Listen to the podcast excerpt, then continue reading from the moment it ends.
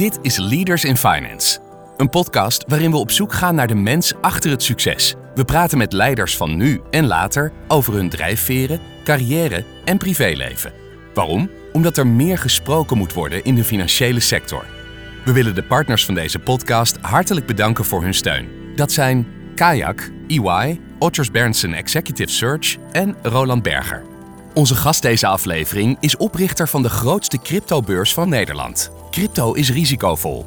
Hoe onderscheidt een cryptobeurs zich van de gokmarkt? En ik denk dat het aan onze taak is om die voorlichting serieus te nemen, zodat onze klanten precies weten met wat voor risico's ze te maken hebben. Wat kan zo'n cryptobeurs eigenlijk bijdragen aan de bredere financiële wereld? Dat de onderliggende technologie, die nu voor cryptomunten wordt gebruikt, uiteindelijk voor veel meer asset class kunnen worden gebruikt en ervoor gaat zorgen dat het financiële systeem veel efficiënter wordt. En wat heeft onze gast geleerd als startende ondernemer? Ik denk waar we gedurende de afgelopen jaren achter zijn gekomen, is dat de meeste problemen waar je als ondernemer voor staat veel minder uniek zijn dan je denkt. Eh, De meeste andere ondernemers staan voor vergelijkbare uitdagingen en ik denk dat je er heel veel van kan leren. Onze gast is Mark Nuvelstein, CEO en co-founder van Bitfavo. Je host is Jeroen Broekema. Welkom bij een nieuwe aflevering van Leaders in Finance. Deze week is de gast Mark Nuvelstein, de CEO en co-founder van Bitfavo. Welkom Mark. Dankjewel Jeroen, dankjewel voor de ontvangst. Leuk dat je er bent hier in, Driebergen bij Grid eh, Bloemenheuvel. Ik zal je introduceren en zoals luisteraars weten doe ik dat traditiegetrouw door jouw naam te spellen. Dat is Mark, M-A-R-K en Nuvelstein is N-U-V-E-L-S-T lange I-N. Zoals gezegd, Mark is de CEO en co-founder van Bitfavo. Bitfavo is een internationale crypto-exchange met meer dan 1 miljoen klanten. Er werken circa 200 mensen en het bedrijf heeft in haar bestaan meer dan 100 miljard euro aan verhandeld volume verwerkt. Na zijn studie werkte Mark voor Loyens Loef in de advocatuur om vrij kort daarna, eind 2017, met zijn co-founders Bitfavo op te gaan zetten. Hij is 29 jaar, studeerde rechten en bedrijfskunde aan de Universiteit van Groningen en woont in Amsterdam. Nou Mark, voordat we zo meteen het bedrijf gaan neerzetten aan de hand van de stakeholders, zoals ik ook heel graag eh, doe in deze podcast, eh, wilde ik eerst even opmerken, het is nu november en eh, jij hebt heel recent eh, met jouw bedrijf de Deloitte Technology Fast 50 gewonnen. Mooie, mooie prijs? Ja, ik denk dat het een hartstikke mooie prijs is. Die hebben we inderdaad vorige week gewonnen. En ik denk dat het een hartstikke mooie erkenning is voor ons en het team. wat voor groei we eigenlijk in de afgelopen vier, vijf jaar hebben doorgemaakt. En dat is geweldig om te winnen.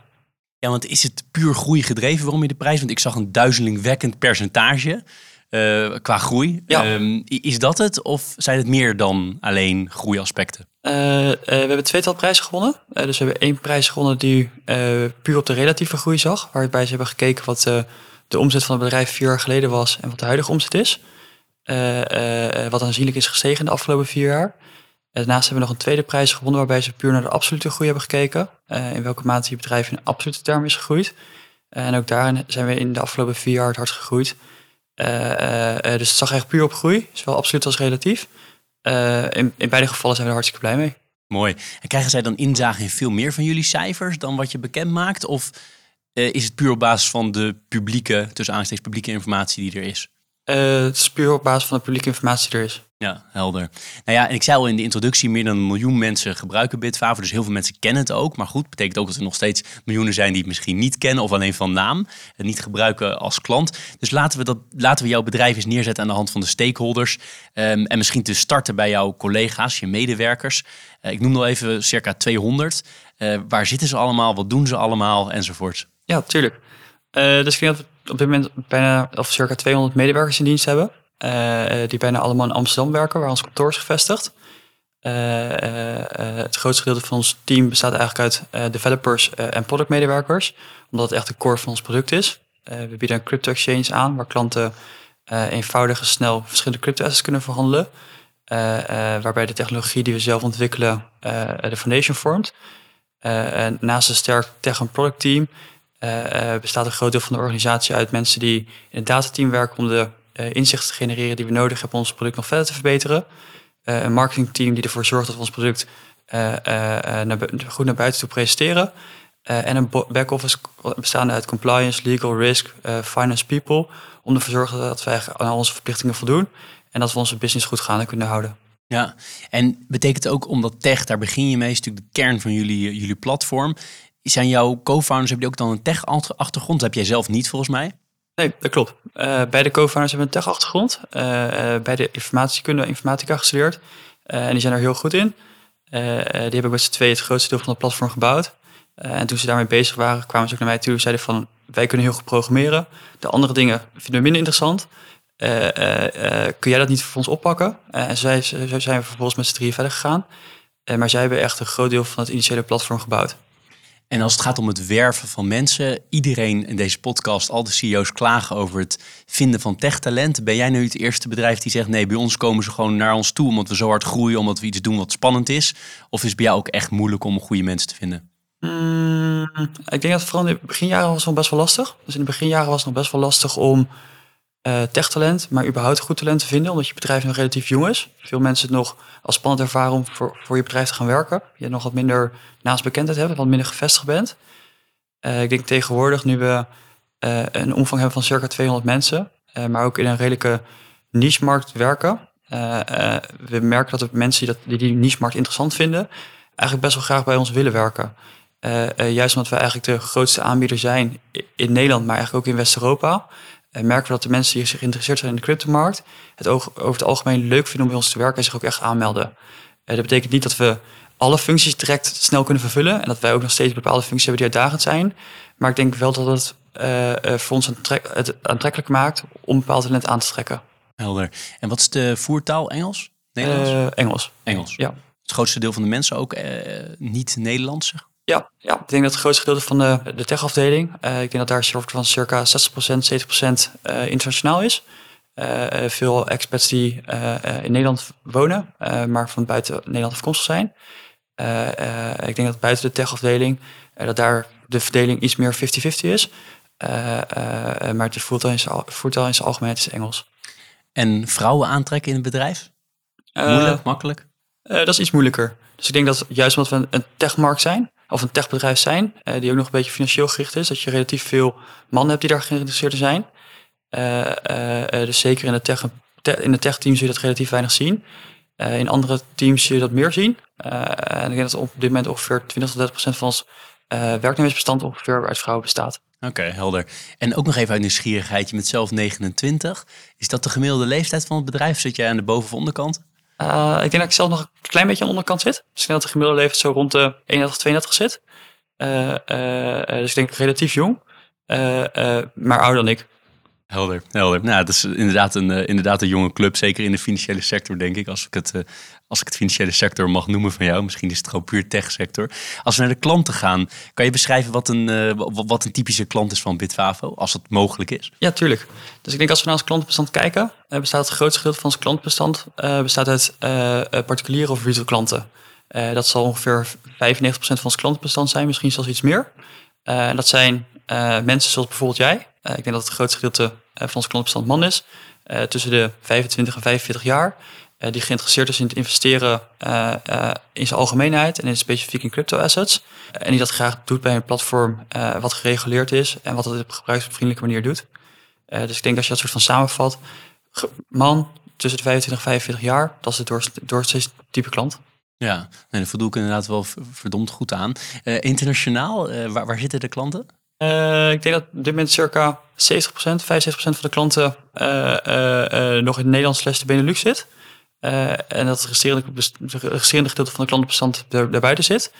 en we merken dat het vooral in de buiten Benelux steeds meer aan het groeien is. Dus dat toen we zijn begonnen, was Nederland echt onze home market. Daar hebben we ook in de afgelopen vier, vijf jaar het grootste deel van onze klantenbestand opgebouwd. Gaandeweg vanaf 2021, 2022 zijn we steeds meer gaan focussen op andere landen erbuiten. Uh, en we zien nu ook dat we daar steeds meer inflow van nieuwe klanten krijgen. Maar je runt alles vanuit hier, hè? Ja, alles is... In ieder geval ben je van plan om ook lokale poten neer te gaan zetten? mogelijk op termijn. Dus ik denk dat we idealiter zoveel mogelijk zouden willen centraliseren voor zover mogelijk.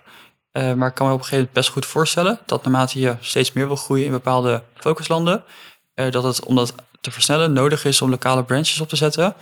Uh, waar je uh, boots op de ground krijgt van mensen die je kunnen helpen om je product nog beter aan de man te brengen lokaal. Uh, of omdat dat nodig is voor regulatory doeleinden, omdat lokale toezichthouders dat willen. Ja, en is Europa dan de, de logische stap? Of is de stap juist veel logischer om in één keer naar ver buiten Europa te gaan? Mm, voor nu is het nog Europa. ik denk dat voor nu de logische stap voor ons is Europa. En in specifiek soort van eerste dagregio. ik denk dat we in de afgelopen jaar, twee jaar hebben geleerd dat het heel erg belangrijk is om focus te houden. Dat het belangrijk is om echt stap voor stap te werken. ik denk dat ons product ook heel goed aansluit bij deze regio. omdat we ons onder andere onderscheiden wat we fiat geld ondersteunen. Dat we lokale betaalmethodes ondersteunen waarmee je snel en makkelijk geld kan overmaken. Dat we ons onderscheiden door ons product goed te lokaliseren en aan lokale wet en regelgeving te voldoen. En dat het daardoor relevant is om eerst te richten op een beperkt aantal landen waar je je kan onderscheiden, voordat je het nog verder gaat opschalen. Helder, helder. je noemde al de lokale wet en regelgeving, geloof ik. De, dus dat is de brug naar de, de toezichthouder als stakeholder. Ja. Wie zijn dat voor jullie en hoe is die relatie? Uh, we staan sinds uh, eh, 2020, sinds eind 2020 staan we onder toezicht van DNB. En dat is denk ik een, uh, een gezonde relatie. Ik denk dat het initieel zowel voor ons als voor DNB een soort van nieuw was. wij waren nog nooit eerder gereguleerd geweest. Voor DNB was de cryptomarkt destijds nieuw. Dus ik denk dat in, in, de initiële situatie een situatie was waar beide partijen ook aan elkaar moesten wennen. Waar je ook zeker hier en daar discussies had. ik denk dat we nu circa twee jaar onder toezicht staan. Uh, steeds beter beeld van elkaar hebben, ook steeds meer gewend aan elkaar zijn. En waardoor die relatie denk ik soepeler is geworden dan hiervoor. Want daarvoor was je ongereguleerd, toch? Ja. Dus je begint een bedrijf, je bent ongereguleerd en dan opeens word je gereguleerd. Dat is best wel intens, lijkt mij. Dat was best intens. Ik denk dat we toen ons platform live zetten in 2018, was er eigenlijk nog geen wet of regelgeving. Wel zag je dat, en dat deden wij ook, is dat bedrijf eigenlijk zelf soort van verplichting aan zichzelf opleggen om verantwoorde business te kunnen runnen. Uh, dat betekent dat je ook destijds al wel best wel veel best practices implementeerde, die eigenlijk later uh, zijn vastgelegd in wet en regelgeving. Maar dat was zeker nog wel anders dan toen de echte wet en regelgeving inging. Uh, en dat leidt ertoe dat je, zodra die wet en regelgeving ingaat, dat je eigenlijk je hele systemen toch verder moet fine-tunen. maar dat je ook je klantenbestand nog verder op orde moet brengen om eigenlijk alle nieuwe vereisten te voldoen. Ja, en dat je toch ook een leger aan, legertje in ieder geval aan mensen moet aantrekken die de compliance uh, kant goed begrijpen, die de wet en regelgeving kant, hè, dat is compliance natuurlijk, uh, goed begrijpen, die uh, ook weten hoe je moet praten met dit soort instanties. Neem ik aan, of neem aan dat jullie dat niet allemaal zelf gedaan hebben? Nee, of initieel hebben we denk ik tot 2020 hebben we dat met een beperkt team gedaan. En ik denk dat vanaf 2020, 2021 is dat team soort van steeds verder gegroeid. En ik denk dat ongeveer op dit moment 15% of misschien zelfs 20% van onze, van onze organisatie op uh, uh, compliance legal risk werkt. Uh, of een stukje financial crime. wat best is gegroeid. Ja. ja, want een belangrijk onderdeel van die wet en regelgeving is natuurlijk het voldoen aan de WWFT, hè, aan het tegengaan van, van witwassen en terrorismefinanciering. Is dat voor jullie um, een onderdeel dat heel veel tijd vraagt, omdat er zo ongelooflijk veel transacties plaatsvinden? Ja, nee. dus er vinden heel veel transacties plaats op ons platform. Uh, maar het zijn allemaal transacties intern op ons platform. Dus ik denk dat je het grootste deel van onze dienstverlening kun je ik vergelijken met een, uh, een beleggingsinstelling, waar er heel veel gehandeld wordt op de beleggingsinstelling zelf.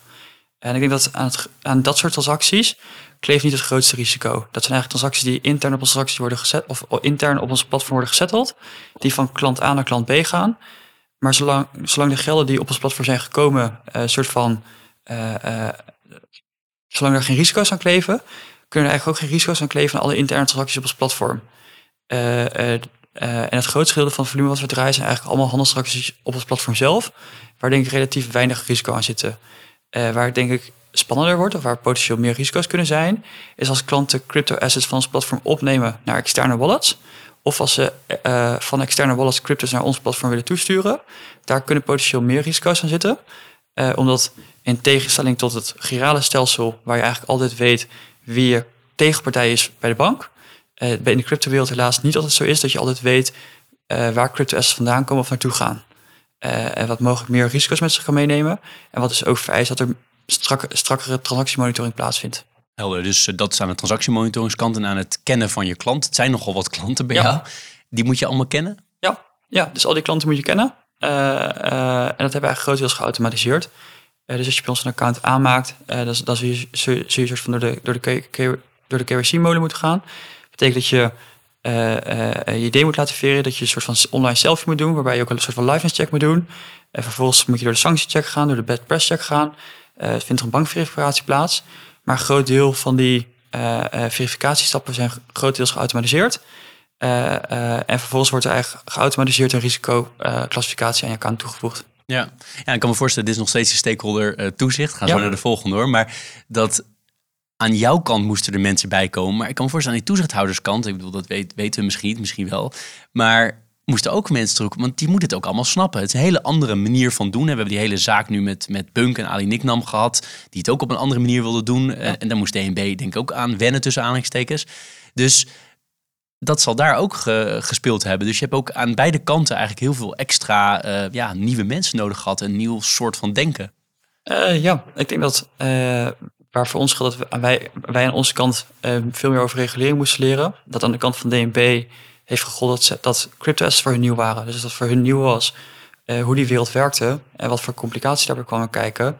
Eh, en dat ze daar in de afgelopen jaren meer over hebben geleerd over hoe cryptos werken, hoe cryptotransacties werken, hoe het werkt om cryptos van, van wallet A naar wallet B te versturen. En dat ze daar een gigantische leercurve hebben gehad. Ja, helder. Nou, voordat ik het toezicht echt loslaat, nog één ding. Zijn er nou landen in de wereld waarvan jij denkt dat is echt heel interessant wat daar op toezichtsgebied gebeurt? Die lopen echt voor op Nederland of is Nederland eigenlijk een voorloper? Ik denk dat het toezicht in Nederland eh, op zich best aardig is.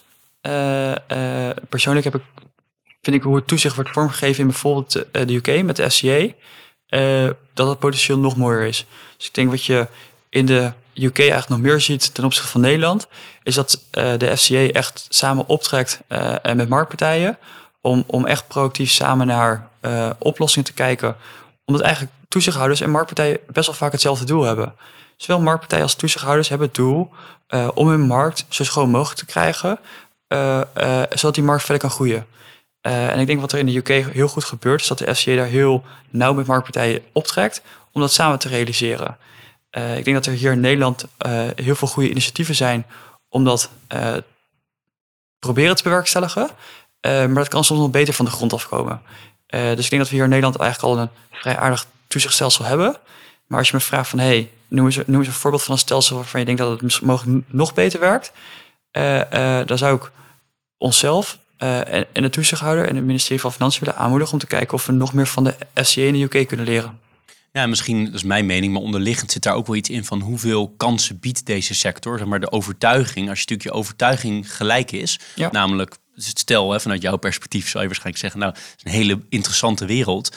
Als de toezichthouder dat ook vindt, dan is het natuurlijk een heel belangrijk buildingblok om daarop dan iets te gaan bouwen. Maar als er natuurlijk ook nog mensen zijn die denken van, nou, deze sector kan wel eens helemaal de andere kant op gaan, dan heb je natuurlijk een ander start, eh, startpunt. Maar dat is geen vraag verder hoor, dus een Ja. opmerking van mijn kant. Ehm, als we dan doorgaan naar de volgende stakeholder, de eigenaren van het bedrijf. Eh, kan je daar iets over delen?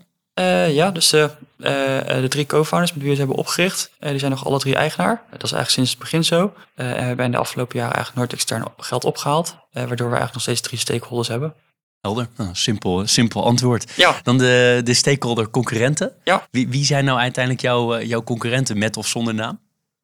Ik denk als we naar, naar de concurrenten kijken, dan hebben we denk ik een soort van twee of drie typen concurrenten. Ik denk dat op dit moment eh, de grootste concurrenten zijn, denk ik, eh, internationale concurrenten. Eh, dat zijn internationale platformen, zoals bijvoorbeeld een Binance, een Coinbase of andere partijen, die eigenlijk hun diensten wereldwijd aanbieden, maar ook in Nederland. Ik denk dat het onze grootste concurrenten zijn, omdat die steeds meer bezig zijn om hun service ook lokaal op, op een goede manier aan te bieden. Ik denk het tweede type concurrent wat we hebben, zijn denk ik de lokale aanbieders. Dat zijn denk ik de lokale aanbieders van eh cryptobrokers, eh, die over het algemeen eh, kleiner zijn dan ons eigen bedrijf, eh, maar toch nog eh, eh, een deel van de markt bedienen. Eh, ik denk een derde eh, type concurrent is niet een directe concurrent, maar misschien meer een indirecte concurrent. Eh, zijn partijen die beleggingsdiensten aanbieden. Eh, niet zozeer omdat ze dezelfde dienstverlening aanbieden, qua cryptodiensten. Eh, maar ik denk wel klanten in dezelfde soort behoefte, eh, in, dezelfde soort behoefte laten voldoen. eh, om eigenlijk eh, gelden te gebruiken om te investeren eh, in verschillende soorten assets. Eh, eh, ik denk dat de grootste concurrentie op dit moment komt van internationale partijen. Eh, maar ik zou die andere twee zijn er denk ik nog steeds relevant om mee te nemen. Even voor de duidelijkheid, die derde groep, dat zijn dus gewoon de reguliere aanbieders Ja. van eh, de Giro's van deze wereld. Dat soort, dat soort Ja. clubs. Oké, helder. En nog even over die lokale aanbieders. Hebben jullie ook wel eens overwogen om dat soort partijen te kopen? Want jullie zijn heel groot. Je hebt het niet per se nodig. Aan de andere kant, kleine partijen uit de markt nemen. Eh, kan misschien ook interessant zijn om nog... jullie groeien hard genoeg. Eh, kijk naar die duizelingwekkende percentages van Deloitte. Maar is dat wel eens overwogen? Ja, we hebben het, of we hebben twee keer in het verleden gedaan. Dus we hebben voordat de toezicht van de DNB in 2020 live ging, zag je dat eigenlijk relatief veel kleine partijen, die eigenlijk te klein waren om aan het toezicht van de DNB te voldoen, zag je dat die eigenlijk stapsgewijs uit, uit de markt stapten. En we hebben destijds twee kleine partijen overgenomen, voornamelijk om het klantenbestand te integreren. En dat was destijds best interessant, omdat je in één keer vrij snel klantenbestand erbij kan krijgen. we zijn er toen ook achtergekomen dat er relatief veel tijd en energie gaat zitten om externe klantenbestanden te integreren. Terwijl je die tijd en energie eigenlijk liever wil steken om alsmaar je platform te verbeteren. Dus ik denk dat voor ons geldt dat zolang het heel goed mogelijk is om een soort van klanten organisch te acquireren, het voor ons interessanter is om eigenlijk alsmaar onze resources te investeren in ons eigen bedrijf, om ons bedrijf soort van nog beter te maken, en onze dienstverlening nog beter te maken waar we organisch op kunnen groeien. dan dat we denk ik nu echt op pad zijn om andere partijen te acquireren en op die manier te groeien. Het makes total sense. Wat ik me nog kan voorstellen is als je naar een nieuw land gaat met een, een partij die zijn regulering al heel erg goed op orde heeft, die alle licenses al geregeld heeft, terwijl het jou misschien wel een half jaar of een jaar gaat kosten om al die regulering bij elkaar, uh, zeg maar alle dingen waar je moet voldoen bij elkaar te krijgen, dat dat ook nog interessant zou kunnen zijn dat je meer vanuit dat perspectief een keer een partij overneemt. Ja, dat zou kunnen. Omdat je dan, uh, dan ben ik eigenlijk naar meer strategische partijen aan het kijken, die soort van niet alleen waarde toevoegen op basis van de klantenbestand, maar eventueel ook nog andere uh, assets hebben of, of, of, bepaalde licenties hebben, waardoor je een soort van een tijdsvoordeel kan genereren. Uh, uh, dat zou een overweging waard kunnen zijn. op dit moment zijn we eigenlijk voor de meeste Europese landen zelf bezig om licenties te behalen. wat eigenlijk vrij voortvarend gaat. waardoor denk ik voor ons op dit moment minder speelt. Helder, duidelijk. Dit is Leaders in Finance met Jeroen Broekema. Er zijn ook heel veel mensen die naar deze podcast luisteren die werken bij banken en bij meer traditionele, dus aangestekens financiële instellingen. Hoe is die uh, relatie als stakeholder uh, in, in jouw veld? Ja, ik denk dat uh, toen we begonnen in 2018 was die relatie soms nog best een beetje gespannen. Dus toen we in 2018 begonnen was het initieel lastig om een bank te vinden. was het ook lastig om een bank te vinden voor, ons, voor, voor de eigen bedrijfsrekening. was het lastig om een bankrekening te vinden voor je eigen holdingmaatschappij. Uh, was het lastig om een betaaldienstverlener te vinden die bereid was om je transacties te faciliteren. Omdat er toch best wel met argusogen naar werd gekeken. Uh, in de afgelopen vier, vijf jaar hebben we dat eigenlijk heel erg zien veranderen, wat eigenlijk hartstikke mooi is. Dus waar het initieel vier, vijf jaar geleden eigenlijk best lastig was om al die dingen te realiseren, is het tegenwoordig best goed mogelijk om met banken samen te werken, om, om bankrekeningen bij verschillende grootbanken te openen. Is het mogelijk om met verschillende betaaldienstverleners samen te werken. En zien we zelfs dat soort van uh, banken en betaaldienstverleners naar ons toe komen en zeggen van... hey, Bitfavo, uh, we willen met jullie zaken doen. Jullie zijn tegenwoordig een grote partij. Jullie zijn gereguleerd. jullie bestaan enige tijd. laten we eens tafel gaan zitten om te kijken wat we samen kunnen doen. En dat is denk ik heel erg mooi dat, we, dat het over de jaren zo is veranderd en gegroeid. En dat je dus ook echt kan zien wat voor impact het maakt. Maar het moet voor jou toch persoonlijk ook heel bizar zijn dat eerst zit je, ben je aan het leuren om dat woord maar te gebruiken om gewoon een simpel bankrekeningetje te krijgen. En nu uh, doe je miljarden en miljarden en nu is het, komen de banken naar jou toe. Dat moet ergens ook wel een aparte ervaring zijn. Ja, dat is een hele aparte ervaring. En dat is denk ik een soort van uh, uh, erkenning van, van, van hoe leuk het is wat je in de afgelopen vier, vijf jaar hebt bereikt. Uh, is een soort van een, een erkenning van hé, hey, we zijn met het bedrijf een soort van een uitdagende start gehad.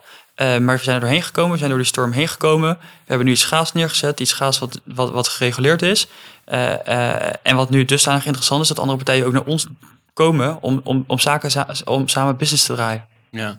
Of denk je dat er ook nog veel bankiers zijn die denken dat dit hartstikke interessant is, heel knap is, maar het stort toch allemaal een keer in. Een beetje à la, ik heb recent uh, journalist Roel Jans geïnterviewd over zijn boek, over zijn boek Gokkers en Grijs. gaat ook over de tulpenbollen gekte. Die maakt het een vergelijking met, met crypto.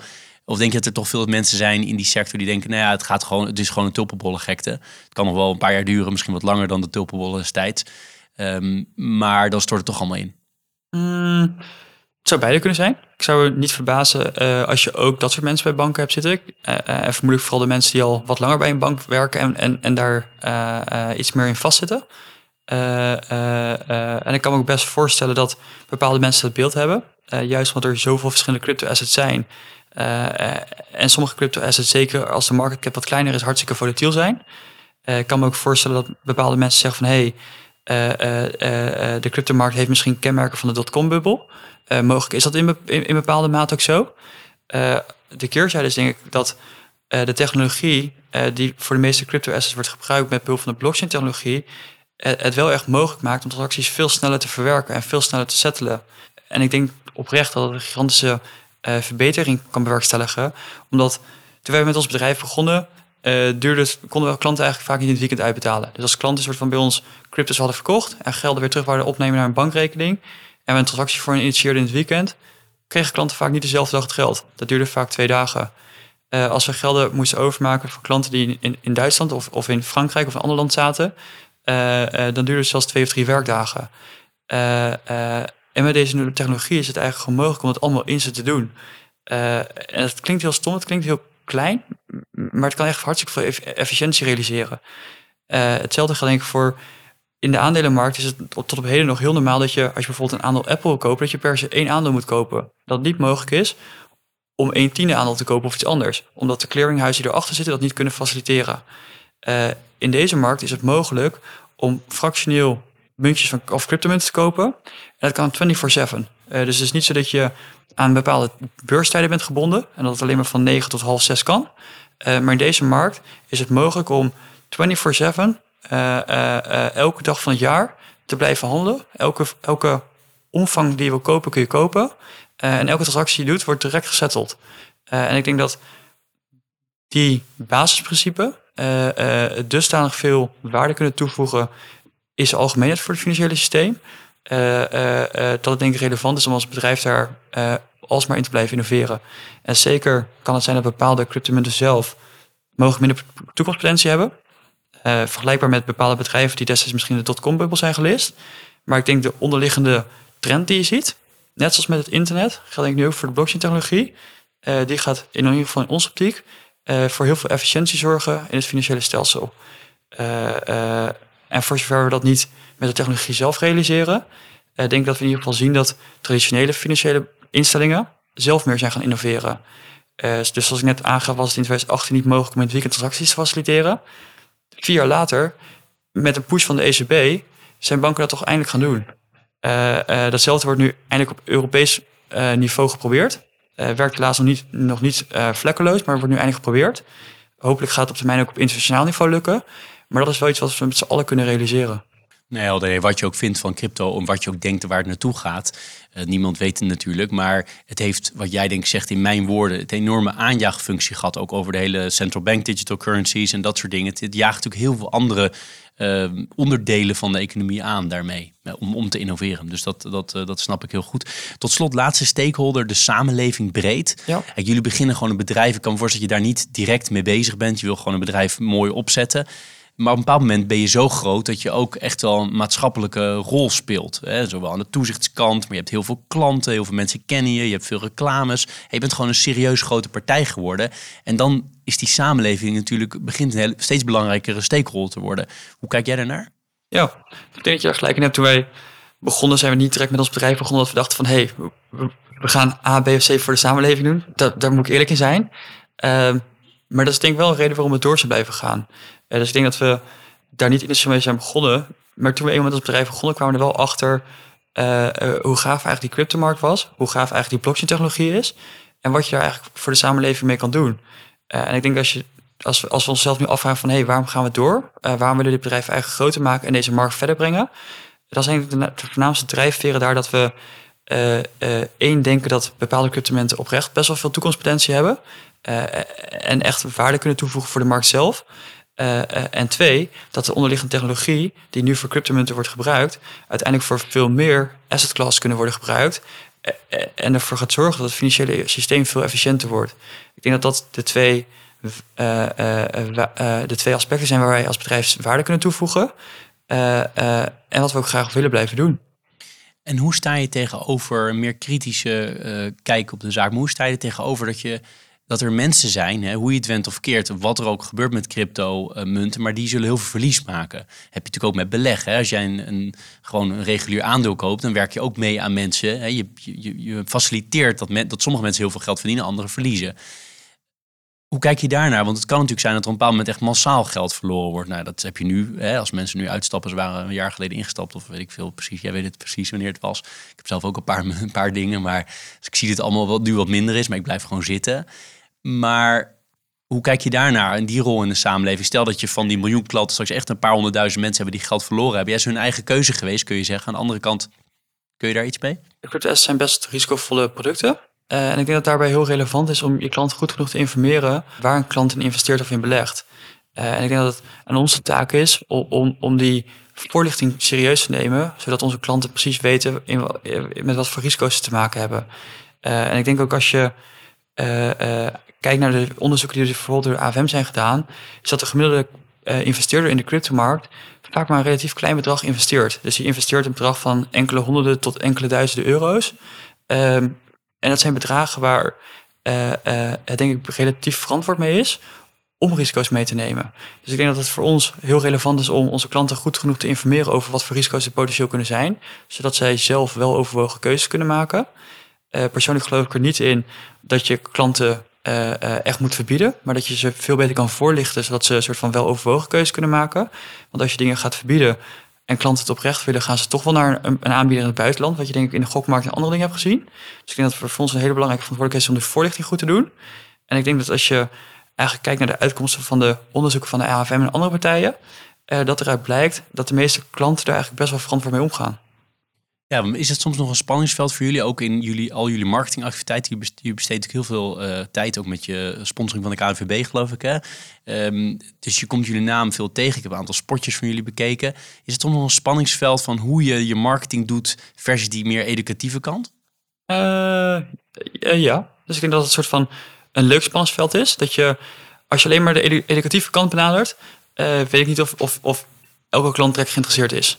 Uh, wat denk ik relevant is om in je, in je marketingactiviteiten uh, je product goed te positioneren dat aantrekkelijk is voor klanten om zich daar verder in te verdiepen.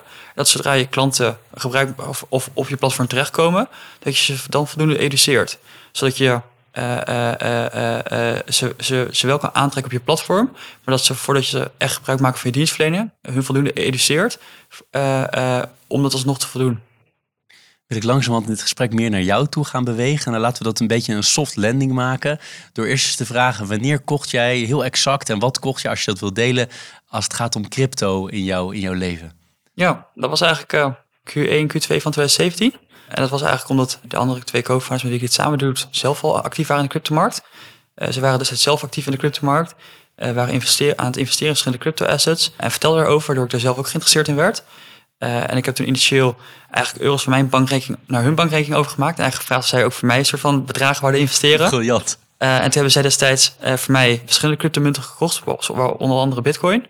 en op een gegeven moment hebben we dat op steeds iets grotere schaal gedaan. wat voor hun aanleiding was om eens te gaan kijken van... hey, hoe kunnen we dit soort van professioneel neerzetten? Hoe kunnen we een platform gaan bouwen dat mensen het zelf kunnen gaan doen? dus dat is eigenlijk zo van Q1, Q2 2017 begonnen. Als ik dan brutaal doorvraag, ging het om een paar honderd, paar duizend of tienduizend of honderdduizend euro's wat je aan het beleggen was?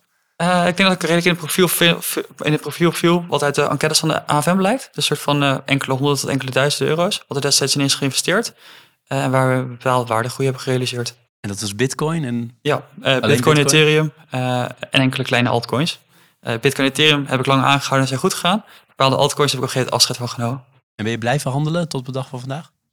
nee, Nee, dus ik heb, uh, uh, ik denk dat toen het bedrijf uh, relatief klein was, tot 2019, 2020, hebben we dat nog relatief veel ernaast gedaan. Ik denk nadat het bedrijf steeds groter was en er steeds meer bij kwam kijken, is eigenlijk het handelen in crypto assets eigenlijk helemaal op een zijspoor beland. En tegenwoordig doe ik dat helemaal niet meer. dus het enige wat ik nog doe is bepaalde cryptomunten die ik destijds heb gekocht, hou ik nog steeds aan. dat is een relatief klein percentage van, van, van het totaal belegd vermogen. Maar ik handel daar niet meer actief in. Wat ik nog wel heel leuk vind, is om zelf projecten echt actief te volgen. En ook nog echt te kijken wat voor ontwikkelingen er plaatsvinden. Wat voor nieuws allemaal gaande is. Maar daarop echt op handelen doe ik niet meer. Nee, en ik kan me voorstellen dat het ook goed is om soms even als klant bij Bitvavo ja. binnen te gaan. Te zien hoe de mailings werken, hoe ja. de transactie precies verloopt. Ja, nou, dat doe ik nog wel. Uh, dus soort van het echt actief handelen niet. Um, maar ik denk dat het hartstikke relevant is dat je een soort van consument van je eigen product bent. Uh, uh, want alleen dan kun je een soort van product maken waarvan je zelf denkt dat het goed is. Ga je ook echt erachter komen wat voor dingen klanten niet prettig vinden. En ik denk dat het alleen maar helpt om je product alsmaar verder te verbeteren. Hey, vertel dat je co-founders jou op een bepaald moment vroegen. Je begon wat daarmee te handelen. Daarvoor werkte je in de advocatuur. Ja. Heb je geloof ik niet heel lang gedaan. Ik, Zes, zeven maanden? Ja, precies. Ja. Zoiets zag ik ook op LinkedIn. Wat, wat deed je precies? Ja, eh, eh, dus ik had eh, eh, initieel bedrijfskunde gestudeerd en, en daarna rechten gaan doen. Eh, eh, ik heb toen een, master fiscaal recht gedaan. en ben toen in de belastingadviespraktijk bij Lois Loef gaan werken. Ik werkte daar op de internationale vennootschapsbelastingpraktijk. waarbij we eigenlijk vooral internationale cliënten adviseerden om te voorkomen dat ze geen dubbele belasting betaalden. En dat waren dan vooral internationale multinationals die over de hele wereld gevestigd waren, waaronder Nederland. Eh, en die wouden voorkomen dat ze niet zoveel belasting hier in Nederland als in andere landen betaalden en ze dubbel, dubbel geheft zouden worden. En waarom ging je bij Loyens Loef werken? Wat, hoe kwam het tot stand, zo'n keuze? Ja, dus ik denk dat in studententijd ga, ga je op een gegeven moment nadenken van hey, what's next? Eh, en ik denk tijdens studententijd eh, eh, keek ik zelf best wel op naar de advocatuur. Zeker gedurende bedrijvendagen die je destijds had, waarbij je eigenlijk rondes gaat doen om verschillende advocatenkantoren te bekijken, begon dat toch wel een beetje van eh, een bepaalde interesse, werd er een bepaalde interesse gewekt dat je dacht van nou, mooie kantoren, iedereen in pak, eh, eh, gelikte praatjes. Eh, eh, ik denk dat dat bij mij toch best wel eh, eh, eh, eh, nou, goed overkwam. Eh, en ik denk dat specifiek Lois Loef, die waren heel groot in de belastingadviespraktijk. Eh, eh, die hadden een soort van eh, het grootste marktaandeel daar. Eh, die stonden daar eh, alsmaar als hoogste ge- gerankt eh, in alle, in alle eh, eh, boekjes. Eh, wat voor mij eigenlijk reden was om daar te starten. Ik heb er toen eh, circa zes, zeven maanden gezeten. eh, wat echt hartstikke leuk was. Het was hartstikke leuk dat je daar eigenlijk begint met, met een klasje. Dus we begonnen met ongeveer 25 eh, eh, eh, eh, afgestudeerde mensen in of afgestudeerde rechtsstudenten. Die eigenlijk allemaal in verschillende disciplines binnen Lois Loef starten met te werken. Wat echt hartstikke leuk was, omdat je dan allemaal met leeftijdsgenootjes start. Iedereen loopt tegen dezelfde problemen aan. Dat worden echt je vrienden dan. Eh, eh, en dat hele kantoorleven was heel leuk. Het hele kantoorleven, waarbij je op kantoor werkt met 700, 800 mensen die allemaal hartstikke jong zijn, die graag willen, maar ook een soort van leuk willen doen buiten werktijd. Dat was hartstikke gaaf. Eh, het werk was hartstikke gaaf. Maar toen dit op mijn pad kwam, waarbij je eigenlijk nog veel meer impact kan maken, waarbij je eigenlijk nog veel meer vrijheid kan hebben om dingen op je eigen manier te doen, dat was dusdanig, aan, dusdanig aantrekkelijk en leuk, dat ik na zes, zeven maanden heb gesloten, besloten om het werk op te zeggen. Maar kunnen we dan stellen dat als deze vrienden zijn, het geloof ik, van jou Ja. niet ehm, jou gevraagd hadden, dat jij misschien vijf, zes, tien jaar later nog steeds bij Lois Loef gewerkt had? Of zat er onderliggend toch een bepaalde onderstroom van ik wil wel een keer ondernemen of ik wil een keer iets anders doen dan de advocatuur? Eh, nee, ik denk dat, dat eh, eigenlijk die ondernemersdrang er altijd wel in zat. Ik denk dat dat ook de initiële reden is waarom ik ooit met bedrijfskunde ben begonnen. Eh, ik dacht na de middelbare school dat als je een soort van ondernemer zou willen worden, dat soort van bedrijfskunde daar de, de beste vooropzet voor zou zijn. Eh, toen ik er eenmaal mee begon, kwam ik erachter dat het iets anders was dan de werkelijkheid. Bedrijfskunde is een vrij brede studie waarvan je heel veel leert, maar eigenlijk niks specifieks. Maar ik denk dat die ondernemingsdrang er eigenlijk altijd al in zat. Het is mogelijk nu iets eerder uitgekomen omdat deze kans zich voordeed. Eh, dan als ik het eh, soort van helemaal zelf iets had moeten opzetten. Eh, maar die ondernemingsdrang zat er eigenlijk altijd al in. Maar dan toch een groot advocatenkantoor. Ja. Met dat heel erg hiërarchisch is. Hè? Ja. Het is natuurlijk duidelijke partnerstructuren in. Dat lijkt helemaal niet te matchen met een ondernemersdrang, dan zou ik zeggen. Dan kan je beter bij een, bij een Argen of zo zijn gaan werken. Of bij een, weet ik dat, noem ik even Ja. financiële sector. Maar bij een scale-up of een start-up. Ja, Toch koos je, je noemde die, die gelikte praatjes en die pakken. Daar koos je dan toch voor en die bureaucratie. Ja. ik denk dat eh, als je net uit de studententijd komt, eh, een soort van, eh, ik denk dat ik destijds 24 jaar was. Eh, eh, en als dan soort van al je studievriendjes of eh, vriendjes van je studentenvereniging soort van allemaal dezelfde kant op gaan. eh, eh, je, de banen daar eigenlijk een beetje voor het oprapen liggen en hartstikke goed betaald worden, is het best wel makkelijk en aantrekkelijk om erheen te gaan. Eh, ik denk dat je ook tijdens je stu- eh, studietijd eh, eh, heb ik mijn af- mijn afstudeerscriptie daar geschreven. Ga je mee op business course en heb je soort van andere activiteiten waardoor je daar best wel makkelijk in doorrolt. Eh, eh, ik denk ook dat het voor mezelf eh, best wel een goede leerschool is geweest om eh, discipline op te bouwen. Ik denk dat je bij dat soort kantoren best wel goede discipline opbouwt en ook best wel goed leert om onder druk te werken. Eh, eh, eh, eh, dus dat heeft denk ik voor mij best wel veel bijgedragen. Ik denk wel dat ik er naar een bepaalde tijd achter kwam dat die advocatuur eh, nou ja, toch in bepaalde opzichten wel een beetje vastzit. Eh, dat je daar relatief weinig flexibiliteit hebt. Eh, en dat, dat, dat ik dat wel miste. Ja, oké. Helder. Dus ik, ik hoor toch een beetje, is mijn invulling dat je er anders eh, waarschijnlijk ook wel na een jaar of een pa- een paar jaar was weggegaan. klinkt Ja, ik denk, zo? ik denk dat drie of vijf jaar. Ja. Ik denk dat, Uh, anders dat het drie tot vijf jaar had geduurd. Dat je soort van eerst je advocatenstudie wil afronden. En misschien nog voor een advocatenkantoor een paar jaar in het buitenland wil werken. En dat je na drie tot vijf jaar dan wel, dan wel was afgeslagen. Had je zelf iets ondernemend zelfs gedaan al? Kleine bedrijfjes op middelbare school, wat je vaak hoort van ondernemers of zoiets? Nou, wat ik eigenlijk in mijn studententijd eigenlijk heel veel deed, is uh, beleggen. Dus ik was eigenlijk zelf al vrij frequent aan het beleggen. Uh, met het geld dat ik verdiende met, me, uh, met mijn bijbaantjes. ik heb ook, moet ik bekennen, een soort van deel van mijn studiefinanciering gebruikt om te beleggen.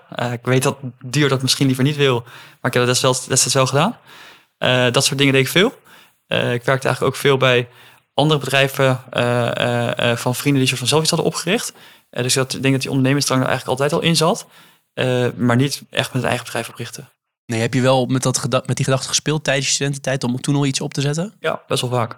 En wat voor soort dingen waren dat? Weet je dat nog? Ja, waar ik destijds zelf naar heb gekeken is bijvoorbeeld kijken... destijds woon je dan, of destijds heb ik gekeken van, hey, wil je eigenlijk niet een soort van huis kopen? Wil je niet een huis kopen dat je die vervolgens kan verhuren en, en vervolgens met je, studie, met je studentenvrienden daarin kan wonen? Uh, wil je niet gaan kijken, voor zover je dat niet zelf kan doen, of je daar niet een soort van een platform kan neerzetten, uh, dat eigenlijk andere mensen van geld kunnen inleggen, zodat je eigenlijk hun geld kan gebruiken om dat soort panden te gaan kopen. dat zijn projecten waar ik destijds veel mee bezig ben geweest.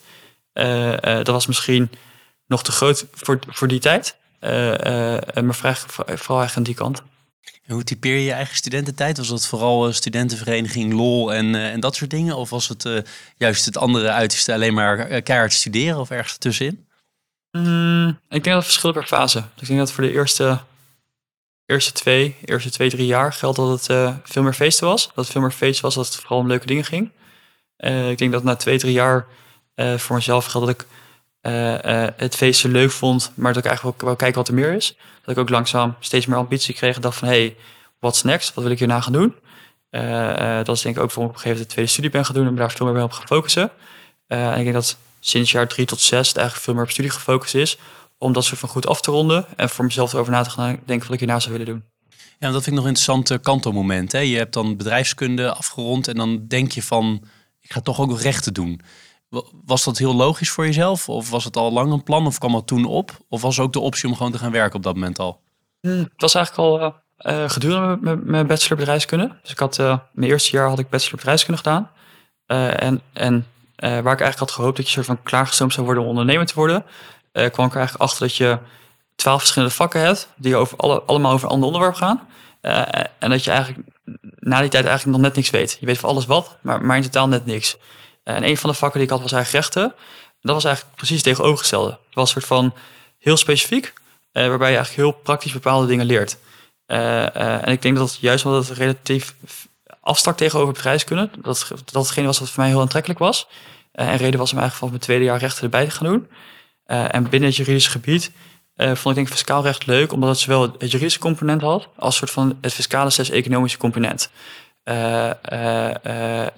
dus ik denk eigenlijk dat ik, dat, dat de voornaamste drijfveren zijn geweest om, om recht en fiscaal recht te, zijn, te gaan doen.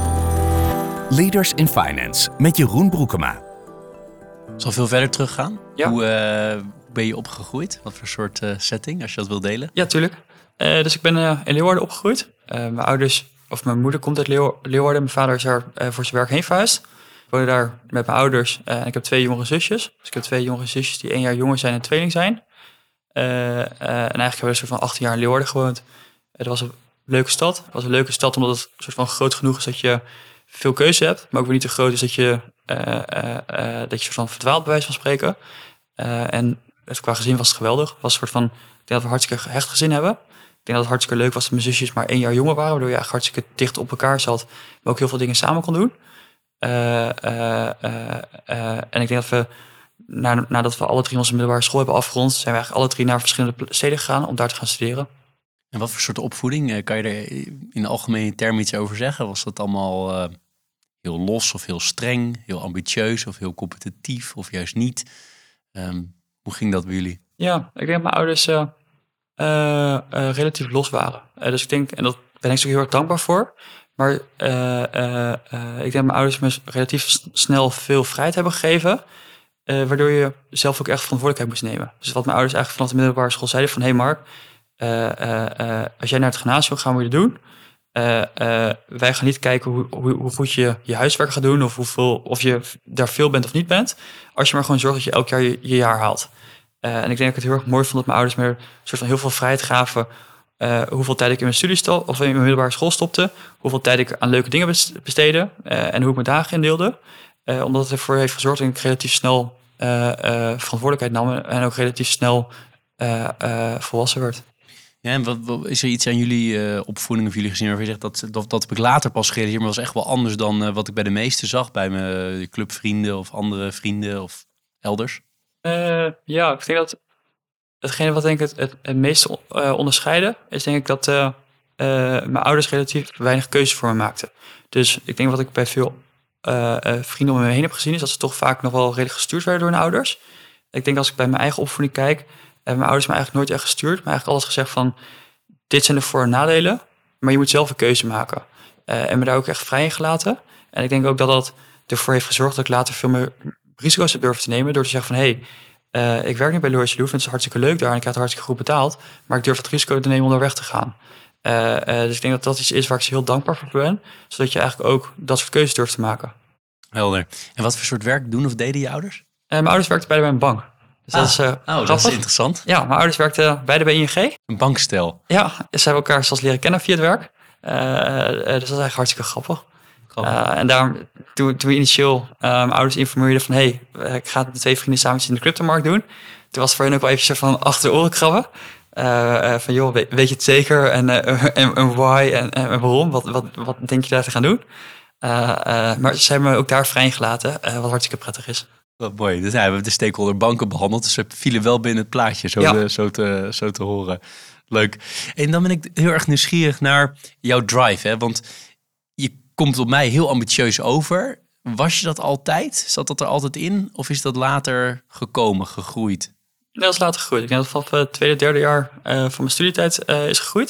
Dus ik denk dat tot die tijd uh, daar überhaupt nog niet over nadacht of niet echt mee bezig was. En ik denk dat het stapsgewijs erin is gegroeid. Dat het erin is gegroeid omdat ik er eigenlijk achter kwam dat als je, als je een doel voor jezelf hebt, als je ergens voor gaat werken, dat je eigenlijk veel verder kan komen dan je denkt. En dat je daar ook best wel een grote kick uit haalt. Uh, wat denk ik voor mij voor een hele grote drive heeft gezorgd. En ik denk dat ik voor mezelf uh, een drive heb gekregen omdat ik dacht van hé, hey, uh, je leven is eigenlijk relatief kort. daar moet je zoveel mogelijk uit willen halen. en ik denk dat het eigenlijk hartstikke gaaf is om, om daar zoveel mogelijk uit te halen uh, uh, niet alleen op persoonlijk gebied, maar ook op, op werkgebied. Uh, laten, we dan ook, laten we dan ook gewoon tijd en moeite stoppen om dat ook echt te realiseren. En ben je, was je ook onzeker tijdens je studententijd of later of nu? Je dacht van, kan ik dit allemaal gaan doen? Kan ik, kom ik bij zo'n advocatenkantoor binnen? Kan ik zo'n rechtenstudie doen? Kan ik zo'n nieuw bedrijf opstarten? Of was je altijd vrij zeker van je zaak? Uh, ik denk dat ik over het algemeen relatief zeker van mijn zaak ben. Uh, dus voor grote keuzes vind ik het altijd wel prettig om een soort van klankbord te hebben. Een klankbord te hebben om, om gewoon voor mezelf te toetsen of ik soort van alles logisch bekijk en de juiste keuzes maak. dat vind ik prettig, maar over het algemeen ben ik relatief zeker van mijn zaak. Wat je denk ik nu wel merkt, naarmate het bedrijf steeds groter wordt, worden de keuzes ook steeds groter. wat hartstikke gaaf is, maar waardoor het wel lastiger wordt. Een soort van als je bedrijf van, met, met, met tien man, man runt, uh, uh, overzie je alles, weet je alles, uh, is relatief makkelijk. Wat ik denk dat je nu merkt, is dat naarmate het bedrijf steeds groter wordt, moet je ook steeds meer durven loslaten. wat hartstikke belangrijk is om het bedrijf verder te laten groeien. Maar dat is wel zijn fase waar je doorheen moet om het te leren. Ja, en waar krijg jij dan stress van in, die, in dat hele proces van de start van het bedrijf tot, tot, op, tot op heden? Kan je voorbeelden geven waar je echt stress van krijgt? Ik denk dat ik dus uh, momenten van stress heb gehad als je bepaalde dingen dus niet kan overzien. Dus als je, uh, en ik denk dat heel veel ondernemers dat hebben, dat die toch in bepaalde mate een beetje control freak zijn. Dat ze soort van prettig vinden om alles van de hoed tot de rand te weten. ik denk dat dat voor ons, of voor mijzelf initieel ook gold. Dat je dat best prettig vindt om, om alles te weten en in controle te zijn. En dat naarmate je bedrijf steeds groter wordt, dat het lastig is om altijd alles te zien. En dat je dus langzaam uh, moet durven loslaten uh, en ruimte moet durven te geven aan andere mensen, zodat zij uh, het over kunnen nemen. maar dat als je dat dus niet altijd helemaal kan overzien, dat het in het begin best stressvol kan zijn. Dat is zoiets wat denk ik steeds meer went. en, en naarmate je ook steeds betere mensen aanneemt en om je heen hebt, wordt het ook steeds makkelijker. maar dat heeft initieel denk ik wel eens voor stress gezorgd. Ja, dus je moet leren loslaten eigenlijk. Het, ja. Toch gewoon, ja, het gebeurt, sommige dingen gebeuren gewoon. Je kunt niet alles controleren. Is dat iets wat je hebt geleerd door het steeds maar te doen? Of heb je het ook geleerd door mentoren, coaches? Of hoe, eigenlijk is de vraag veel simpeler. Hoe doe je dat? Ja, beide. Dus ik denk beide. Ik dat we toen we met ons bedrijf begonnen, dachten we eigenlijk dat we alles zelf moesten uitvinden. Dat je, dat je alles zelf moet uitvinden en dat je daar relatief alleen voor stond, samen met je andere co-founders. Ik denk waar we gedurende de afgelopen jaren achter zijn gekomen, is dat de meeste problemen waar je als ondernemer voor staat, uh, veel minder uniek zijn dan je denkt. Uh, de meeste andere uh, ondernemers staan voor vergelijkbare uitdagingen. en ik denk dat je er heel veel van kan leren. En dat geldt ook voor mezelf. Ik denk dat ik over de afgelopen twee jaar veel meer gebruik maak van coaches of andere ondernemers die eigenlijk al veel verder zijn met hun bedrijf. Die je eigenlijk soort van kunnen helpen hoe zij met deze situatie omgegaan. en ik denk dat het heel, heel goed helpt omdat de meeste problemen waar we tegenaan lopen veel minder uniek zijn dan je denkt. Uh, de meeste problemen zoals uh, ervoor zorgen dat je voldoende focus houdt binnen je bedrijf. Uh, dat je ervoor zorgt dat je stapsgewijs bedrijf steeds verder opschaalt, maar dat iedereen wel naar dezelfde kant toe opbeweegt. dat je ervoor zorgt dat je dingen los durft te laten. Dat zijn eigenlijk hartstikke normale uitdagingen die denk ik elke ondernemer door, waar elke ondernemer doorheen gaat. En waar je dus eigenlijk ook van anderen heel goed kunt leren die dat al een keer eerder hebben gedaan. Ja, dat kan me heel goed voorstellen. En zoek je dan een andere ondernemer zelf uit of komen de mensen op jouw pad? Hoe, hoe kom je bij mensen waar je denkt dat is een goede klik voor mij, daar kan ik veel van leren? Uh, beide. Dus ik vind dat je uh, in de afgelopen jaren bouw je stapsgewijs steeds meer netwerk op door alles wat je doet. gedurende de tijd dat je eigenlijk dat netwerk opbouwt, kom je eigenlijk heel veel andere ondernemers tegen. Bijvoorbeeld met wie je zaken doet. Bijvoorbeeld had net op dit moment onze payment provider. Dan leer je de mensen van Jen steeds beter kennen. Bunk is onze bank. Leer de mensen van Bunk steeds beter kennen. Dat geldt eigenlijk voor veel meer partijen. Uh, dus ik denk dat je die aan de ene kant uh, soort van tegenkomt door de groei van je bedrijf. aan de andere kant krijgen we soms ook proactief, zijn ook proactief mensen die naar ons toe komen die zeggen van hé, hey, wat, jullie wat jullie doen is eigenlijk hartstikke gaaf. En wat jullie doen lijkt misschien eigenlijk best wel veel op wat beleggersinstellingen soort van tien jaar geleden deden. en, en destijds tien jaar geleden heb ik dit voor beleggersinstelling X, Y of Z gedaan. En ik zou het eigenlijk best wel leuk vinden om weer een jong iemand soort van te coachen. Uh, en eigenlijk allemaal lessen over te dragen. Uh, dus ik denk dat we eigenlijk beide kanten zien. Dat we aan de ene kant uh, een informeel netwerk opbouwen voor mensen met wie we samen doen. Maar ook aan de andere kant mensen krijgen die naar ons toe komen die zeggen van... hé, hey, wat jullie doen is gaaf. Ik zou het leuk vinden om jullie daar verder in te helpen of in te coachen. en als je daarvoor open staat, maak er graag tijd voor. Mooi. Dan wil ik graag gecoacht worden vandaag gedurende deze podcast door jou. En het gaat over agenda management. Jij krijgt natuurlijk, en dat heeft iedereen op zijn niveau, maar krijgt constant natuurlijk mensen die jou willen spreken. Nou, ik had de mazzel dat je met mij wilde spreken, dus dat is mooi.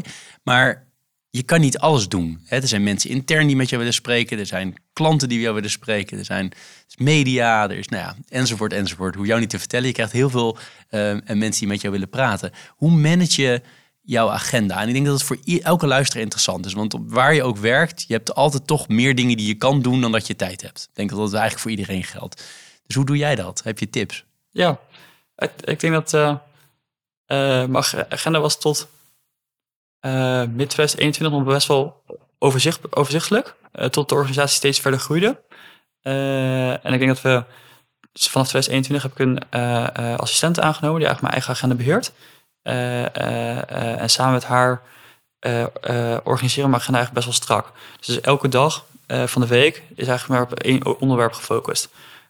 dus maandag ben ik eigenlijk alleen maar puur op organisatorische aspecten gefocust. En pak er eigenlijk ook geen enkel onderwerp op, behalve die daarmee te maken heeft. Dat kan, kan gerelateerd zijn aan hoe het met ons people team gaat, hoe het binnen de organisatie gaat, wat, wat de, de, richting is van het bedrijf. Maar ik pak binnen die dag eigenlijk geen enkel onderwerp op. Hetzelfde geldt voor dinsdag. Dinsdag is eigenlijk compleet op, op tech en product gefocust. En die hele dag pak ik alleen maar die onderwerpen op en niks erbuiten. Uh, en zo deel ik eigenlijk mijn hele dag, of mijn hele week best wel strak in. Hetzelfde geldt ik eigenlijk elke ochtend, is eigenlijk altijd tijd voor mezelf. Dus van 9 tot 1 wil ik eigenlijk alleen maar dingen doen voor mezelf of externe afspraken. maar ik wil tussen 9 en 1 geen interne afspraken hebben, behalve als het heel urgent is. Alle interne afspraken kunnen van 1 tot s avonds laat, maakt niet uit wanneer. Uh, maar ik probeer zo heel erg mijn uh, agenda heel strak in te richten, uh, zodat je zelf bepaalt wat je doet. Ik denk dat de grootste valkuil is, is als je meer afspraken hebt dan dat je kan doen, dat het heel verleidelijk is om gewoon van afspraak naar afspraak te hollen, maar dat je uiteindelijk helemaal niet doet wat je wilt. dus wat ik eigenlijk zelf ben gaan doen samen met mijn assistenten is ervoor zorgen dat je baas blijft van je eigen agenda. eh, dat je die indeelt zoals je zelf wil. eh, en dat je dat ook heel strak doet. Zodat je uiteindelijk de dingen doet waar, waarvan je zelf denkt dat je het meeste waarde kan toevoegen. Er zit niet inherent aan jouw verhaal, is overigens heel leerzaam, dankjewel. Ja, Maar inherent aan jouw verhaal dat je dus heel veel nee moet zeggen tegen mensen. Want als iemand dus tussen 9 en 1 een afspraak wil intern, dan is het gewoon een nee. Eh, ja dus als dan, behalve als het heel, heel, heel enough, relevant maar is. even de meeste zullen niet zo relevant zijn dat het meteen moet. Ja, ja, dus dan is het tussen 9 en 1 is nee. Eh, tussen 1 en s'avonds 9 uur, all fine. Eh, eh, plan iets in. Eh, eh, eh, zijn daar. Zorg ervoor dat die meeting wel is voorbereid. Ik wil eigenlijk ook geen afspraken hebben zonder dat je weet wat er voor wordt besproken. Of zonder dat je weet eh, eh, eh, eh, waar het over gaat. Zodat het zo efficiënt mogelijk kan. Eh, maar wel binnen bepaalde timeslots. Eh, en dat leidt ertoe dat je in sommige gevallen nee moet zeggen. Aan de andere kant zorgt er ook voor dat heel veel mensen erachter komen dat ze eigenlijk veel meer kunnen zonder dat- ze je nodig hebben. Eh, en het kan zeker in het begin, als je, als je bedrijf stapsgewijs gaat schalen, heel aantrekkelijk zijn om heel vaak eh, bijvoorbeeld aan mij of iemand anders te vragen van hey, hoe werkt dit of hoe moet ik dat doen? Eh, de keerzijde is als je dus vaker nee zegt, dat heel veel mensen eigenlijk achterkomen dat ze er best zelf uitkomen. Dat ze er best zelf uitkomen en dat, en dat ze eigenlijk veel verder komen dan ze zelf denken. Krijg je dan niet toch ook nog een groep mensen waarbij je mee gestart bent als klein bedrijf? De eerste, laten we zeggen, de eerste 50 medewerkers. Die zeggen, ja, die Mark was altijd zo leuk en gezellig. En dan kon je leuk even koffie mee drinken, biertje mee drinken. Ik zeg maar iets geks. Ja. Maar ja, nu is hij zo onbereikbaar aan het worden langzamerhand. Want hij wil alleen maar efficiënte meetings, maar hij heeft geen tijd meer daarvoor. Ja, dus ik denk dat het, eh, eh, voor hoe je je meetings inplant, dat het zeker geldt. Eh, maar ik denk wel dat, dat zeker voor de mensen die initieel zijn aangenomen, eh, dat vormt wel de kern van je bedrijf. Die zul je waarschijnlijk minder zien op werkgebied, eh, omdat je eh, naarmate je een organisatie opbouwt, mogelijk steeds verder uit elkaar staat. Die zul je mogelijk minder gezellig zien gedurende de meetings. Maar ik probeer wel goed contact te houden met die mensen gedurende vrijdagmiddagborrels, gedurende events of gedurende andere activiteiten. Dus je bent misschien iets minder nauw gaan samenwerken op werkgebied. Maar je kan elkaar wel opzoeken. eigenlijk in alle soort van fun-gerela- fun-gerelateerde dingen aan je werk. Eh, daarnaast is geldt denk ik voor de meeste van die medewerkers. Dat nu je een soort van vier of vijf jaar zo nauw hebt samengewerkt. Dat die band dusdanig sterk is. Dat je van elkaar begrijpt dat je elkaar misschien wat minder ziet. Bij Leaders in Finance altijd een teaser en een pleaser. Ehm, ik wilde starten met de teaser, die gaat als volgt. De technologie achter crypto zal blijven bestaan en nog veel breder ingezet gaan worden. Veel verfijnder, verfijnder ingezet gaan worden. Er zal nog heel veel, heel veel bij komen. We're just getting started. Dan dat nu het geval is. Maar meer dan, en pick a number. Ik heb 90% gezegd, maar any number is good. Any, eh, elk hoog nummer is goed. Maar meer dan eh 90% eh, van de cryptovaluten zal het uiteindelijk niet overleven. Dus de stelling is, heel simpel gezegd, technologie ja, crypto n- 90% plus gaat gewoon niet halen. Ja. Eens? Ik denk dat eh, eh, time will tell. Maar ik, kan me daar best wel in vinden. Dus ik kan me daar best wel in vinden dat een groot deel van de cryptomunten eh, eh, eh, mogelijk niet op, lange, op lange termijn volhouden. Ik denk niet dat het erg is. Ik denk dat al deze cryptomunten die soort van zijn uitgegeven, die zijn gestart, soort van allemaal innovatieve projecten zijn geweest, die op hun eigen manier waarde proberen toe te voegen aan de samenleving. En dat ook hebben gedaan door nieuwe, nieuwe dingen te proberen. Ik zou zelf denk ik ook de meeste cryptomunten willen vergelijken met soort van start-ups. De meeste start-ups gaan uiteindelijk ook niet long-term bestaan. Eh, eh, maar kunnen wel op een eigen manier nieuwe dingen proberen. Eh, en zo zie ik de meeste cryptomunten ook. Het zou best zo kunnen zijn dat, dat over een x aantal jaar 90% niet meer bestaat. Maar de onderliggende technologie is dus- dusdanig revolutionair. En kan dusdanig veel waarde toevoegen voor de samenleving. dat ik er volste vertrouwen heb dat die long-term waarde long-term blijft. Want jullie bieden er honderden aan, hè? Ja, 175. 150 of honderden, 175. Maar dat zijn, dat zijn natuurlijk een heleboel. Ja. Of tenminste, vergeleken met aandelen eigenlijk heel weinig. Want je hebt natuurlijk duizenden, eh, tienduizenden aandelen. Hebben jullie nog een soort van beleid, ik neem aan van wel, van wie je wel en niet toelaat? Je kan niet elke mogelijke, ik weet niet hoeveel munten er zijn in de wereld, maar je kan niet iedereen toelaten, neem ik aan. Nee, dus je hebt denk ik eh, op dit moment meer dan 10.000 verschillende cryptomunten. eh, waarvan, waarvan wij er ongeveer 175 ondersteunen. En het klopt dat je niet elke munt zomaar kan toestaan. Eh, ik denk dat voordat wij een munt eh, listen op ons platform, eh, kijken we er eerst naar hoe groot is die munt? Wat voor marktomvang heeft die? Hoe liquide is die munt? Welke partijen of welke mensen zitten achter die betreffende munt? Welke andere platformen hebben die munt ondersteund? Hoe goed is het mogelijk om transacties van die munt te monitoren? En zo zijn er eigenlijk vele aspecten waar we eigenlijk naar kijken voordat we bepalen of we een munt wel of niet toevoegen. Uh, uh, en pas als het eigenlijk al die voorwaarden wordt gedaan, pas dan gaan we over te listen. En ik denk dat een hele onboarding dus. Ja, en ik denk dat het er vaak toe leidt dat eigenlijk alleen maar de grootste munten gelist worden. En dat we van de veel kleinere en speculatieve projecten ver vandaan blijven. Helder. Maar ik kan voorstellen dat voor een klein, relatief kleine munt nog, hè, van die ja. 175 op Bitcoin, Ethereum natuurlijk mega groot, maar dat het een enorme impact heeft als partijen zoals jullie, en helemaal de groot, nog grotere internationale partijen, jullie zijn al heel groot, maar natuurlijk nog veel grotere internationale partijen, als die beslissen dat zo'n partij gelist wordt, dan ben je per definitie word je al vele malen groter, toch? Uh, ja, ik denk dat ik denk dat onze impact daar nog relatief beperkt in is. Maar ik denk als je naar echt grote internationale partijen zoals Binance kijkt, dat dat zeker het geval is. En dat als uh, Binance bepaalde munten list, dat het een gigantische koersimpact kan hebben. Uh, dus dat is zeker het geval. Helder. Aan de pleasende kant, eerste vraag, lees je graag? ja, dus ik denk dat ik sinds twee jaar steeds meer ben gaan lezen. Ik denk dat naarmate ik steeds meer ben gaan werken, je eigenlijk ook een soort van meer rust voor jezelf nodig hebt. En ik denk dat een groot deel van mijn rust en ontspanning ben gaan vinden in lezen. wel moet ik bekennen dat als ik boeken lees, het vaak toch werkgerelateerd is. Wat ik eigenlijk ook leuk vind. Heb je titels waar je zegt dat vind ik echt een gaaf boek of het zou ik leuk vinden om hier te delen? Nou, boeken die ik recentelijk heb gelezen en die ook gerelateerd zijn aan mijn werk zijn uh, het boek No Rules Rule van, van Netflix. Uh, om te gaan kijken van hey, wat voor cultuur wil je eigenlijk in je organisatie neerzetten? Wat voor waarden vind je in je organisatie belangrijk? Hoe ga je met je personeel om? Uh, ik denk dat het een boek is, boek is geweest voor mezelf, die me heeft getriggerd om er veel beter over na te denken. Uiteindelijk is het personeel de belangrijkste asset die je in je bedrijf hebt. Daar moet je hartstikke goed mee omgaan. Ik denk dat het heel erg relevant is, juist in die beginjaren, om erover na te gaan denken van wat voor cultuur wil ik neerzetten? Hoe wil ik met mijn personeel omgaan? en ik denk dat het boek voor mij een soort van eye-opener is geweest om er veel meer bezig te gaan. Een ander boek waar ik aan, zat te denken is de 4 Hours Workweek. ik denk dat het voor mezelf, zeker in de beginjaren, gold dat het heel erg aantrekkelijk is om alsmaar te blijven werken. Als ondernemer voel je denk ik toch eindverantwoordelijk voor je, voor, voor, je, voor je onderneming. En het is heel erg verleidelijk om alsmaar door te blijven gaan. Het is heel erg verleidelijk om elke uitdaging die opkomt zelf maar op te pakken. Uh, en ik denk dat de 4 Hours Workweek mij heeft laten inzien dat het veel belangrijker is om erover na te gaan denken van wat wil je bereiken? Wat wil je bereiken en hoe kun je dat het best bereiken? En ik denk dat het een beetje terugslaat op je vraag over je agenda. Dat het heel erg makkelijk is om je agenda over te laten lopen en voor naar her te rennen. Maar als je er vooraf over nadenkt van wat wil ik in een week bereiken, wat zijn de belangrijkste dingen die ik wil doen en hoe ga ik dat realiseren, dat je eigenlijk veel efficiënter daar, daar, daar kan komen. Ja, dat is het boek van Tim Ferriss, hè? Ja. Ja, helder. En nog een, eh, nog een privé, uh, wat, wat, voor dingen lees je dan nog in privé om te ontspannen? Of las je, wat, uh, toen je nog meer tijd had? Die 4 Hour Workweek haal je nog niet helemaal, denk ik. Nog niet helemaal, nog niet helemaal. Uh, privéboeken lezen denk ik relatief weinig. Ja. Helder. Je noemde ook dat je je bankrekening bij, eh, bij Bunk destijds had. Dus eh, Ali ken je ongetwijfeld. Heb je ook zijn boek gelezen? Ondernemers hebben nooit geluk? Ja. ja. Oké. Ja. Dus nou, ja. volgens mij slaat die titel niet helemaal op jou, maar goed. Dus wilde ik het uh, tot slot een paar laatste dingen en dan gaan we, dan gaan we afronden.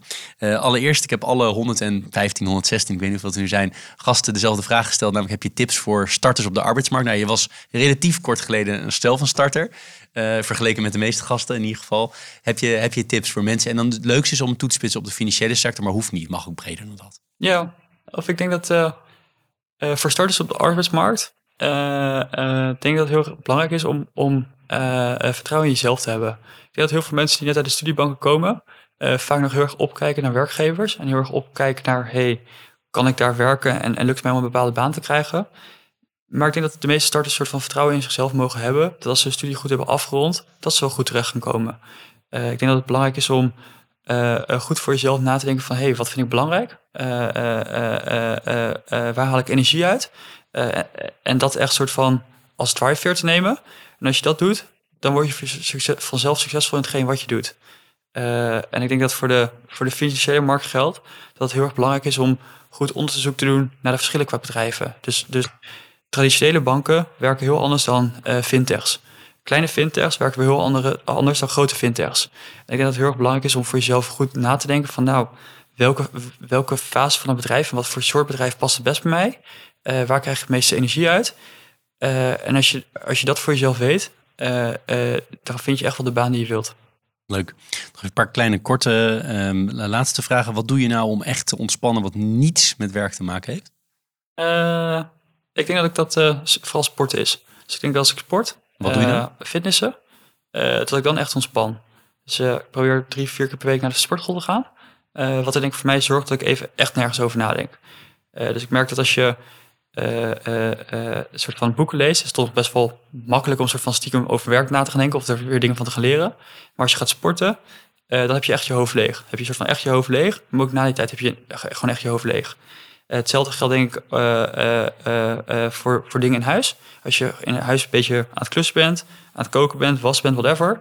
Het zijn van die kleine dingetjes waardoor je echt eventjes ontspant. wat me heel erg goed doet.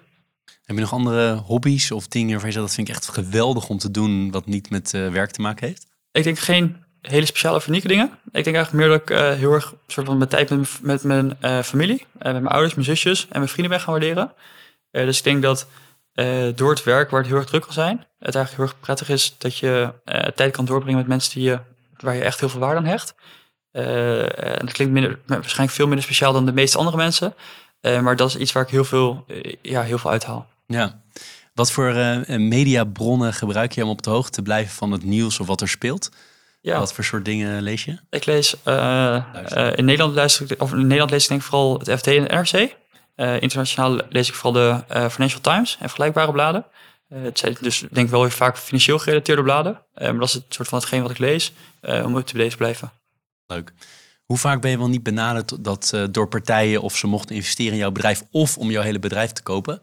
Eh, vaak dan ik op twee handen kan tellen. Eh, eh, maar tot op heden staat de deur dicht. Duidelijk. Nee, want dat is natuurlijk heel bijzonder. Er zijn natuurlijk heel weinig bedrijven die tot jouw size hebben gebracht zonder extern geld. Het kwam omdat je gewoon gelijk eh, cashflow had. Je begon gelijk geld te verdienen. Dus je had het ook gewoon niet nodig, denk ik. Tenminste, dat is mijn inschatting. Ja, of ik denk dat we de drempel om tot deze markt toe te treden was relatief laag. Dus omdat er nog geen regulering was en nog geen zware vergunningen had, was, het, was de drempel om toe te treden tot deze markt relatief laag. Eh, en daarnaast waren we vanaf het begin een soort van cashflow positief. Eh, maar zijn we denk ik ook heel conservatief bezig geweest met ons bedrijf. Dus we hebben de eerste jaren eigenlijk nooit eh, salaris uitgekeerd of echt beperkt tot een minimumloon. En eigenlijk alle omzetten die we hebben gegenereerd weer hergebruikt om het bedrijf verder te laten groeien. En dat heeft ertoe geleid dat het uiteindelijk mogelijk was om het bedrijf tot hier te bootstrappen. Toekomst. Je de komende lange periode ga je dit bedrijf verder uitbouwen. Je gaat internationaliseren. Het wordt, eh, je gaat wellicht op een bepaald moment ook eh, juist de andere kant op. Je gaat bijvoorbeeld aandelen aanbieden of eh, ETF's. Ik noem maar wat. Zou me, zou me niet verbazen. Eh, of je doet het misschien al. Volgens mij niet. Nog niet. Als ik het, maar dat zou zomaar kunnen.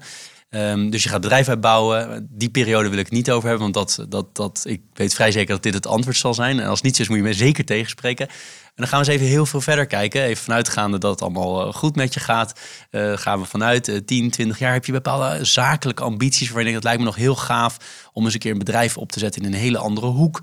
Of het lijkt me heel erg leuk om nog eens een keer commissaris te worden ergens. Of toezichthouder of wat dan ook. Ja. Eh, dus ik denk de eerste paar jaar heb je denk ik al helemaal goed voorspeld. Eh, die zal daarop gefocust zijn. Ik denk voor de jaren daarna eh, heb ik nog geen hele duidelijke visie. Maar ik denk dat ik in de hoofdlijn eigenlijk het ga vinden om andere ondernemers te gaan helpen. Ik denk dat ik het eigenlijk zelf in de afgelopen jaren heel veel heb geleerd. waar ik hartstikke dank voor, voor ben. Waarbij we denk ik uitdagingen hebben gehad die soms best moeilijk waren. En waarbij je initieel zelf dacht dat je er vaak alleen voor stond. Eh, maar ik denk dat het hartstikke leuk vind om eigenlijk de kennis die je hebt, opge- eh, die je hebt opgedaan de afgelopen paar jaren weer over te brengen aan nieuwe ondernemers. Eh, dus wat ik denk het later het leukste vinden is om het ondernemersklimaat hier in Nederland te stimuleren. Om te kijken of je jonge ondernemers weer, weer opnieuw kan enthousiasmeren om te gaan ondernemen of te gaan helpen. Zodat zij zo succesvol mogelijk door hun eerste jaren heen gaan en daar kan bijdragen. En ik denk ook dat ik daar met de ervaring die ik nu opdoe, en hoop ik in de aankomende jaren nog verder kan opdoen, daar ook iets kan toevoegen voor Nederland. Leuk, leuk, leuk om te horen. Heb jij nog iets eh, als allerlaatste vraag waarvan je zegt, Jeroen, ik heb ontzettend veel mogen vragen. Je hebt ontzettend veel eh, uitgebreide antwoorden gegeven. Dus ik ga je daar zo voor bedanken. Maar heb je op dit moment nog iets waarvan je zegt, ja, maar dat hebben we niet besproken. En het is toch leuk als ik dat nog even kan delen.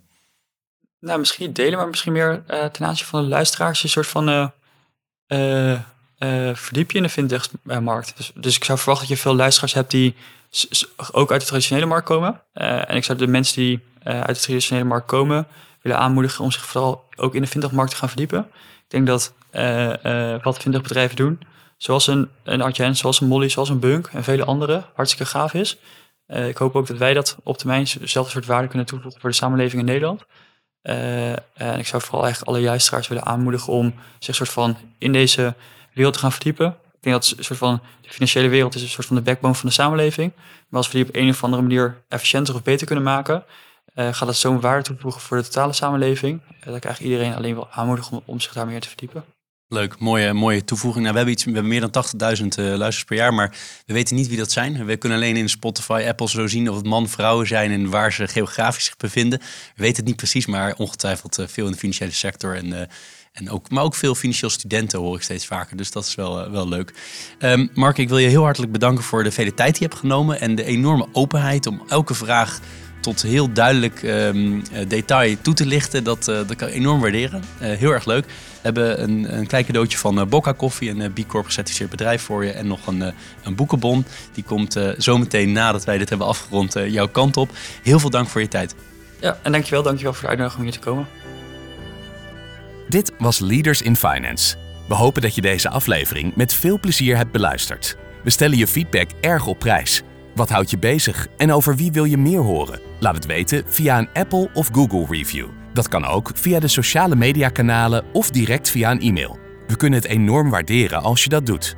Tot slot danken we onze partners voor hun steun. Dat zijn Kayak, EY, Otters Berndsen Executive Search en Roland Berger. Bedankt voor het luisteren.